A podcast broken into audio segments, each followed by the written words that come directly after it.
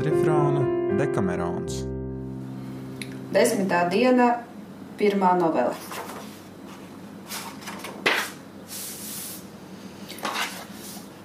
Kāds bruņinieks kalpo Spānijas karalim. Bruņiniekam šķiet, ka tam par maz atlīdzināts.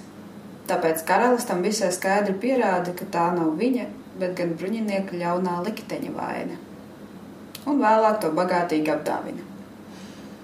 Man jāuzskata par eh, sevišķi lielu labvēlību godājumās dāmas, ka mūsu karalis man pirmajai uzdevis stāstīt par tādu tematu kā augstsirdība.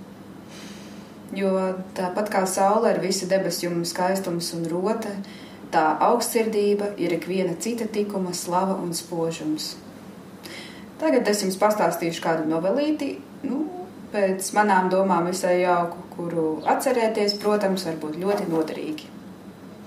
Jums jāzina, ka starp citiem drosmīgiem bruņiniekiem, kas sensenos laikos dzīvoja mūsu pilsētā, bija kāds bruņinieks, varbūt pat godājamākais to vidū, saukts Mesers Rudžērī Defi Giovanni. Viņš bija bagāts vīrs ar dižu garu un aplūkoja toskāniešu dzīvesveidu un paražas. Viņš atzina, ka šeit dzīvodams viņš visai maz vai pat nemaz nevarētu pierādīt savu drosmi. Tālāk nolēma uz kādu laiku doties pie Spānijas karaļa Alfonsa, kas bija tik drošsirdīgs, ka slava par tā drosmi pārspēja ikviena cita tā laika valdnieka slavu. Rudžērī godam apgādājies ar bruņojumu un zirgiem, ļoti cienījamu ļaužu pavadībā devās uz Spāniju, kur karalis viņu labvēlīgi saņēma. Apmeties galmā, Mēsers Rudžērī dzīvoja greznu dzīvi un kaujās izcīnīja apbrīnojams uzvaras, un tādā kārtā visai drīz iemantoja drosmīga vīra slavu. Kad viņš jau labu laiku tur bija dzīvojis un daudzkārt novērojis karaļa rīcību, Viņam likās, ka karalis te vienam, te otram pavisam neapdomīgi dāvina gan pilis, gan pilsētas, gan grāfistas, dodams tās tādiem cilvēkiem, kuri tās nemaz nav pelnījuši.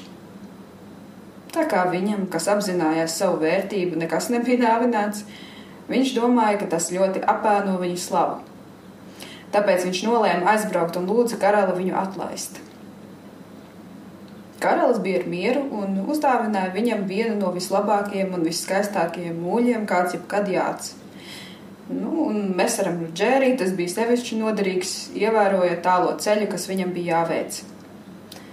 Pēc tam karalis uzdeva kādam savam kalpam, gudram un uzticamam cilvēkam, lai tas papildus iziet reizē ar Mēsaru Džērī tādā kārtā, ka nu, kā tam pašam šķistu labāk bet tikai lai neizliktos, ka tas karaļs sūtīts. Un lai tas iegaumējot visu, ko bruņinieks teiktu par viņu tik labi, ka vēlāk varētu viņam visu atstāstīt, bet otrā rītā, lai pavēlot šim atgriezties pie karaļa. Tiklīdz Mēsrs Rudžēri izjāja no pilsētas, kalps, kas to uzmanīgi bija vērojis, tam pievienojās, liktam saprast, ka arī dodas uz Itāliju. Un tā, jādams uz karaļa dotā mūļa un runādams gan par šo, gan par to, Mēsars Rudžērī tuvojoties trešajai stundai sacīja: Man liekas, būtu labi darīt, ja mēs ļautu saviem lopiem izkārnīties. Kad viņi bija tos ievaduši stālī, visi lopi izkārnījās. Vienīgi mūlis ne. Tāpēc jājūt tālāk, pie kām kalps visu laiku klausījās katrā bruņinieka vārdā, viņi nonāca pie upes. Un kamēr viņi tur dzirdīja savus lopus, mūlis izkārnījās upē. To redzēdams, Mēsers Rudžērī sacīja: Ak, tu sasodītais lops, tu jau esi tāds pats kā tavs kungs, kas man te uzdāvināja. Kalps ievēroja šos vārdus, un, lai gan viņš iegaumēja arī vēl daudz citu vārdu augu dienu kopā ar Rudžērī ceļojot, viņš tomēr nedzirdēja bruņinieku neko citu par karala sakām, kā vienīgi visaugstākajā mērā to slavējam. Un tā, kad viņi nākamajā rītā bija uzkāpuši zirgos, lai jātu uz Toskānu, Kalps paziņoja Mēsaram Rudžērī karaļa pavēli, un tas tūdaļ griezās atpakaļ. Kad karalis jau bija uzzinājis, ko tas teicis par mūli, viņš lika Rudžērī pasaukt un priecīgi to saņēmis jautāja, kāpēc tas esot viņu salīdzinājis ar savu mūli vai arī mūli ar viņu. Mēsars Rudžērī bez aplinkiem atbildēja. Manu senjor, es tāpēc jūs salīdzināju ar mūli, ka jūs dāvināt, kur nepienākas, un nedāvināt, kur pienāktos. Tāpat arī dzen mūlis neizkārnījās vis tur, kur pienācās, bet gan tur, kur to nevajadzēja darīt. Tad karalis sacīja: Es ar Rudžēriju. Ja es neesmu jūs apdāvinājis kā daudzus citus, kuri salīdzinot ar jums nav neko vērts, tad tas nav noticis viss tādēļ, ka es neatzītu jūs par visdrošsirdīgāko bruņinieku, kas cienīgs ik vienas lielas dāvanas.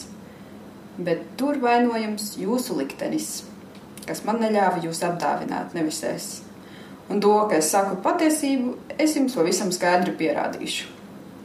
Es ar Sudžēri atbildēju, man valdnieki, es nežēlojos, ka es neesmu saņēmis dāvanas no jums, jo neesmu tās vēlējies, lai kļūtu bagātāks, bet gan tāpēc, lai jūs tādējādi apliecinātu manu drošsirdību.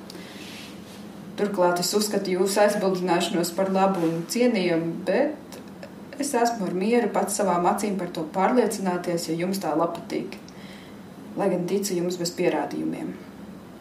Tad karalis ieveda to kādā lielā zālē, kur pēc viņa iepriekšēj, iepriekšējais pavēles bija novietotas divas lielas slēgtas lādes, un daudzu klātbūtnē tam sacīja: Meseru Džerī! Vienā no šīm lādēm ir mans kronis, karaļa zīzlis un valsts ābols. Turklāt daudz skaistu jostu, saktu, gradzenu un citu dārglietu, kādas man pieder. Un otra ir pilna ar zemi. Tad nu izvēlieties vienu, un tā, ko jūs būsiet izvēlējies, piederēs jums, un jūs varēsiet pārliecināties, kas ir bijis nepateicīgs un nav pratis novērtēt jūsu drošsirdību. Es vai jūsu liktenis. Kad Mēsers Rudžērī redzēja, ka karalim tā patīk, viņš izvēlējās vienu lādi, ko karalis tūdaļ lika atvērt, un izrādījās, ka bija, ka tā bija lāde ar zemi. Tāpēc karalis miedamies sacīja: Nu, jūs skaidri redzat, mēs ar Rudžēriju, ka tas, ka, ko es jums teicu par jūsu likteni, ir taisnība. Taču jūsu drošsirdība patiesi pelna, ka es pretojos likteņa spēkiem.